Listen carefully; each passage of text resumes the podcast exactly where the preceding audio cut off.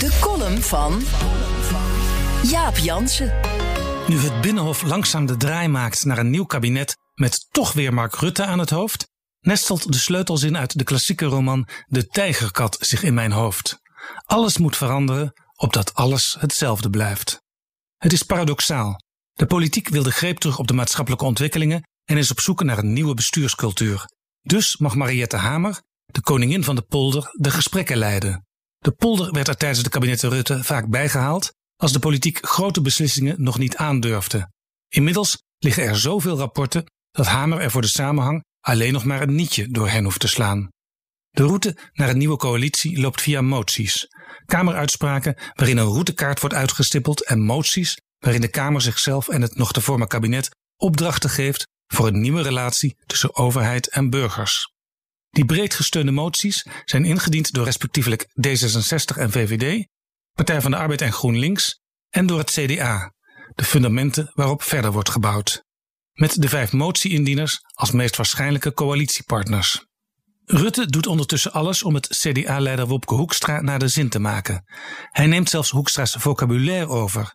Nu niet pimpampetten over wie met wie en vooruit met de geit, want er zijn grote problemen.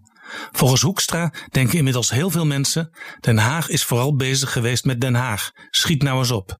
En ook Sigrid Kaag van D66, met Hoekstra eerder nog zo kritisch op Rutte, heeft inmiddels haast. Ze wil voor de zomer een nieuw kabinet. PvdA en GroenLinks leggen inmiddels al volop inhoudelijke ideeën op tafel voor een nieuwe coalitie. Zij zullen prolongatie van Rutte niet dwarsbomen als hij accepteert dat PvdA en GroenLinks allebei meedoen. Een combinatie die hij eerder nog wegwuifde als linkse wolk. Rutger Groot-Wassink, de invloedrijke leider van GroenLinks in Amsterdam, zei deze week dat je juist door mee te doen de bestuurscultuur kunt veranderen. Want die cultuur hangt niet alleen aan Rutte.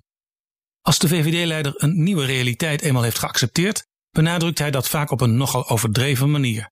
Zo wil hij af van het maandagse overleg met de top van de coalitie en zegt hij zich nu al te verheugen op de ellenlange vergaderingen in de ministerraad die daarvan het gevolg zijn. Heerlijk! Net als in het kabinet Den Uil, zegt hij handenwringend. Den Uil deed in de jaren 70 in de jonge markt belangstelling voor politiek ontwaken. Dat de politiek er onder die PvdA-leider weinig efficiënt aan toeging en dat zijn kabinet nauwelijks grote wetten produceerde, doet er dan even niet toe. Mark Rutte leidde al de meest wonderlijke combinaties en wil nu ook de rode premier evenaren, zou je bijna denken. Dat tweede kabinet Den Uil, dat komt er toch. En in zijn schrift noteert de VVD-leider alvast Rutte 4.